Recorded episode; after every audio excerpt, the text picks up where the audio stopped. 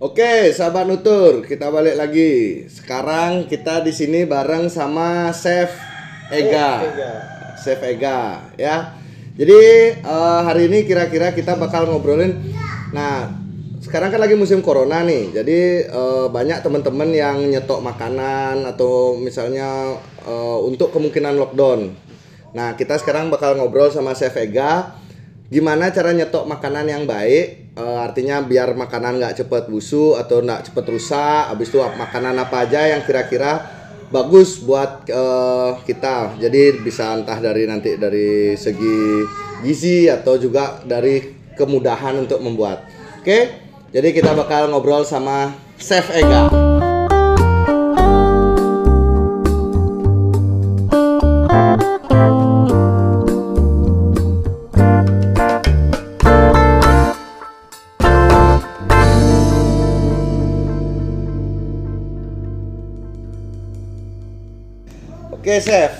Jadi eh sekarang kan banyak nih teman-teman yang lagi berusaha eh, berusaha mempersiapkan diri untuk kemungkinan lockdown. Kalau Ya. misalnya pemerintah benar-benar bakal eh, melakukan lockdown sama kita, eh, total lockdown.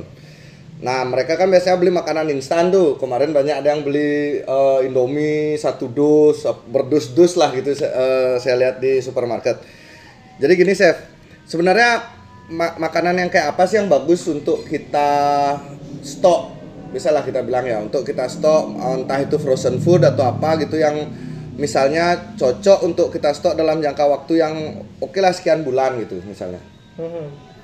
Eh, Oke, eh, kalau saran saya pribadi sih ya eh, kita itu harus mungkin nyoba menyeimbangkan kayak antara protein, sayur, terus kemudian ada beberapa lemak sedikit karena itu juga penting untuk eh, eh, apa namanya aktivitas yang bisa dibilang mungkin agak sedikit eh, kemudian ada kalsium kayak gitu. Nah nanti eh, mungkin bisa di stok telur Oh, telur. Nah, oke. telur juga mengandung lumayan eh, gizi di dalamnya. Terus ada ayam, ayam juga proteinnya juga bagus dan eh, ayamnya tapi kita kalau bisa kita beli yang fresh, yang segar. Berarti harus fresh. Iya. Waktu belinya harus fresh ya. Harus beli fresh di rumah Oh. seperti biasa kita bersihkan, kita cuci, kita seperti keinginan masing-masing lah. Nanti kita kemas dalam kotak-kotak kecil atau eh, kita budget per hari seperti itu lalu kita bekukan. Nah, Berarti harus dibekukan. ya kita bekukan. Oke. Nah, kemudian untuk bumbu-bumbu sendiri itu sebenarnya ini gampang sekali ya. Udah banyak yang jual bumbu-bumbu kering. Ah, bumbu Contoh kayak bawang kering, Yang bubuk. bubuk. Ah, Iya, bubuk-bubuk ya berarti. Bubuk bawang kering terus eh, mungkin bahasa kitchennya itu salad, onion, garlic Oh, iya. dry powder kayak gitu-gitu. Eh, kemudian eh, ada beberapa rempah-rempah lain lah yang mungkin sesuai dengan eh, hobi Kalau rempah gitu, chef, yang misalnya, nah kita kan tahu nih kalau sekarang corona nih imun yang diserang nih, Ya. imunitas tubuh nih yang diserang. Rempah yang bagus buat imun itu apa chef? Eh, sebenarnya beberapa rempah yang ada fungsi untuk menghangatkan tubuh Hmm. eh, kayak jahe, Oke, kayak terus eh, beberapa yang mengandung vitamin C seperti eh, lemongrass Ah. itu ada juga maksudnya yang kering nanti kita tinggal proses kayak gitu-gitu. Eh, kita kan bisa aja kemungkinan yang paling kemungkinan yang paling parah ya, eh, Hmm. kemungkinan yang terjelek adalah kita bisa aja di lockdown 14 hari nih. Ya, 14 hari itu kan dua minggu. Nah, selama 14 hari itu berarti harus ada makanan yang mampu tersimpan selama dua minggu. Dua minggu itu. Nah, itu apa aja, Chef? Yang Nah, eh, direkomendasi. Le- Telur bisa tapi dengan catatan telur direbus dulu. Oke, telur direbus Iya, dulu. direbus dulu, terus dimasukkan air es, di stop cooking istilahnya atau langsung didinginkan. Setelah itu masuk chiller. Nah, itu bisa bertahan sampai dua minggu lebih. Oke. Yang dimatangkan Telur itu berarti telurnya direbus dulu ya. Telurnya nanti direbus, jangan telur mentah, ntar netas ya. ya, Terus yang lain itu kira-kira sekitar 10 menit Rebusnya? Iya, Oke. minimal. Minimal 10 menit. Boleh lebih berarti.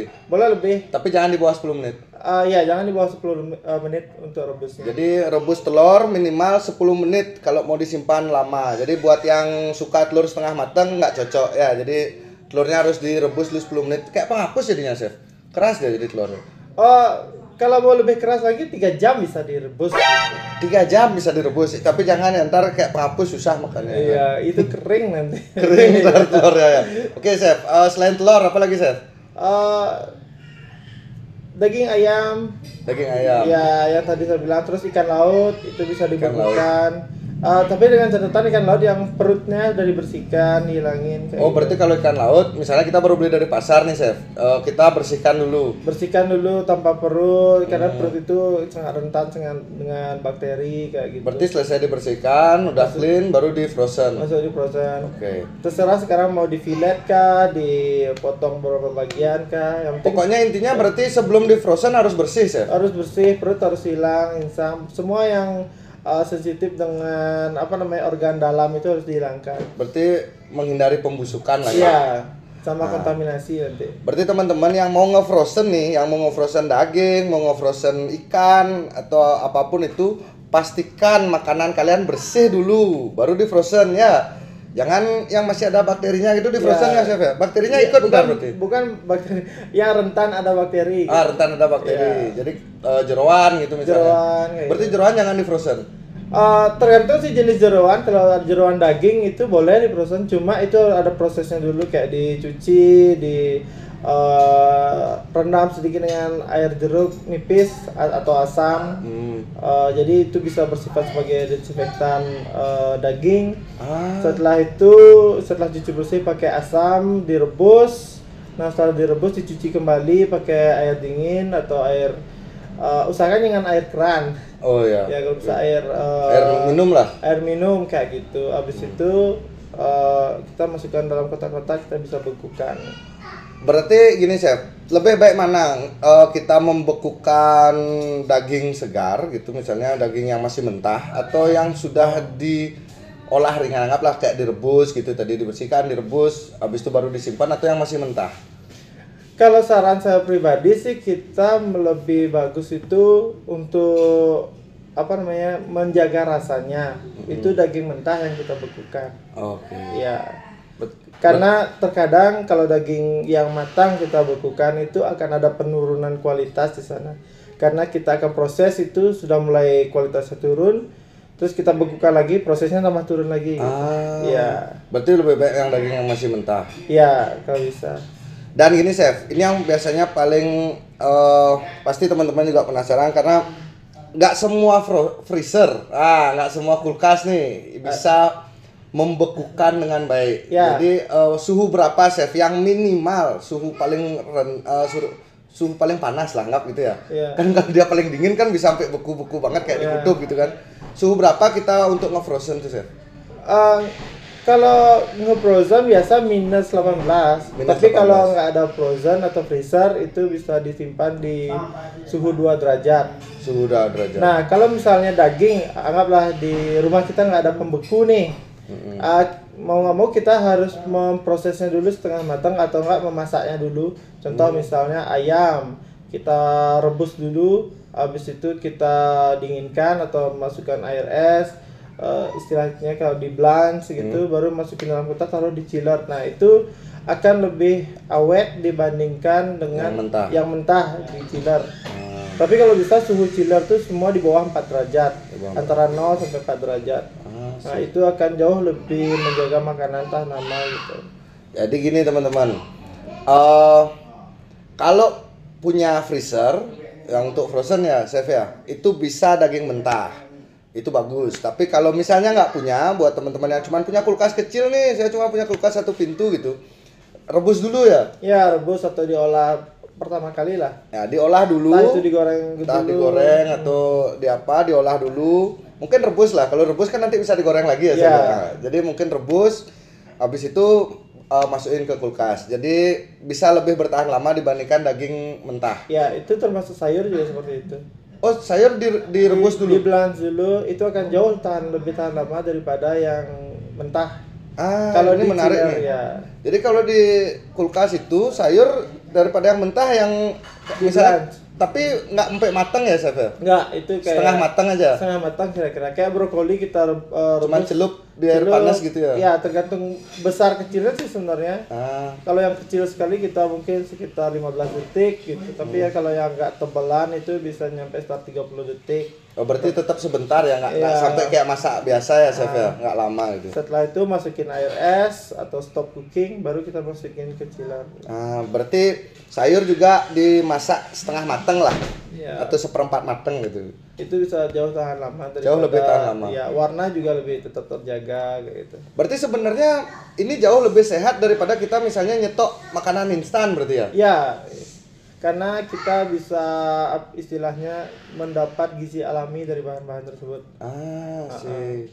Jauh lebih bergizi, Iya. jauh lebih sehat dibandingin makanan instan. ya Jadi teman-teman jangan nyetok Indomie aja, jangan nyetok mie, mie instan itu mie eh, nanti eh, kalian malah mati gara-gara makan mie instan, bukan gara-gara virus kalian matinya ya. Itu juga berbahaya buat tubuh. Jadi mulailah belajar untuk ngolah sedikit makanan, jadi kita bisa stok lebih panjang. Kan Iya. itu chef ya, benar ya? benar Hmm, jadi itu. Nah, habis itu yang menarik juga begini, chef. Eh, tipe makanan, tipe makanan yang bisa mengangkat imun. Mhm. Jadi apa aja nih? Pasti di antara teman-teman ini pasti ada ibu-ibu atau ada yang hobi masak, hobi bikin minuman atau apa. Nah, ini kita minta tipsnya langsung dari Chef Vega. Apa yang makanan atau minuman yang gampang dibuat dan bisa eh, ngeboosting imun?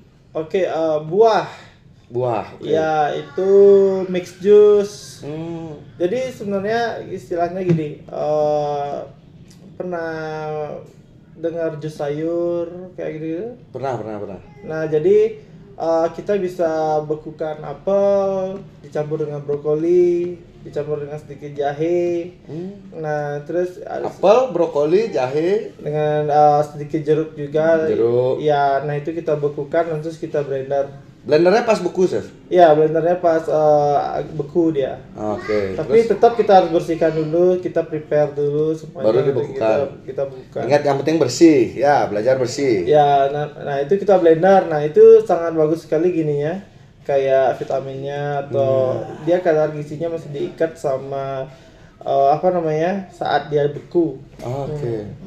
Jadi itu lumayan banyak yang dilakukan. Jus sayur lah ya. Iya jus sayur. Ya kita campur lah sayur dengan buah gitu. Hmm, sayur, buah, rempah, Rempah boleh beberapa sama ja itu kayak kayak jahe. jahe gitu ya. Oke. Ya. Apalagi, Chef? Itu kan jus. Masa ya dua minggu makan jus Oh, aja iya. gitu.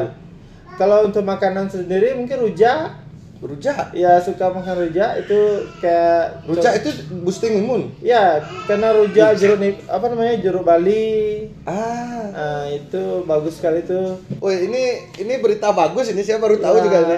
Ini berita bagus buat teman-teman yang hobi ngerujak. Jadi rujak itu bisa ngeboosting imun. Ya, di Bali sebenarnya sudah ada beberapa makanan yang memang eh, di create sama pendahulu kita tuh buat istilahnya apa namanya ya? Pengatur daya tahan tubuh. Rujak kuah pinang itu ya? Kuah Enggak ya? mungkin enggak. Oh enggak. Enggak kuah pinangnya. Yang senang rujak kuah pinang nah ini bukan. Kita ngomongin rujak apa nih, Chef? rujak gula. Oh, rujak gula.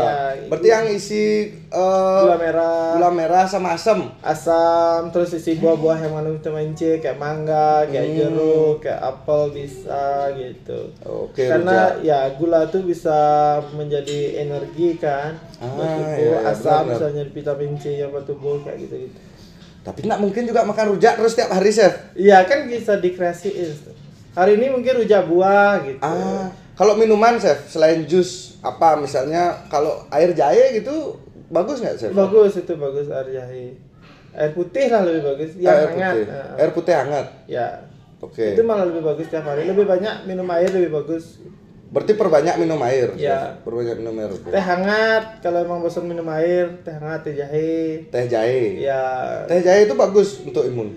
eh, lumayan lah Hmm. itu eh, karena istilahnya jahe kan juga bisa sebagai eh, penambah kekebalan tubuh juga Hmm, sih, sih, sih. ya Tapi kalau saya baca-baca untuk corona ini sih kita lebih banyak minum atau mengkonsumsi makanan yang memang lebih banyak mengandung vitamin C.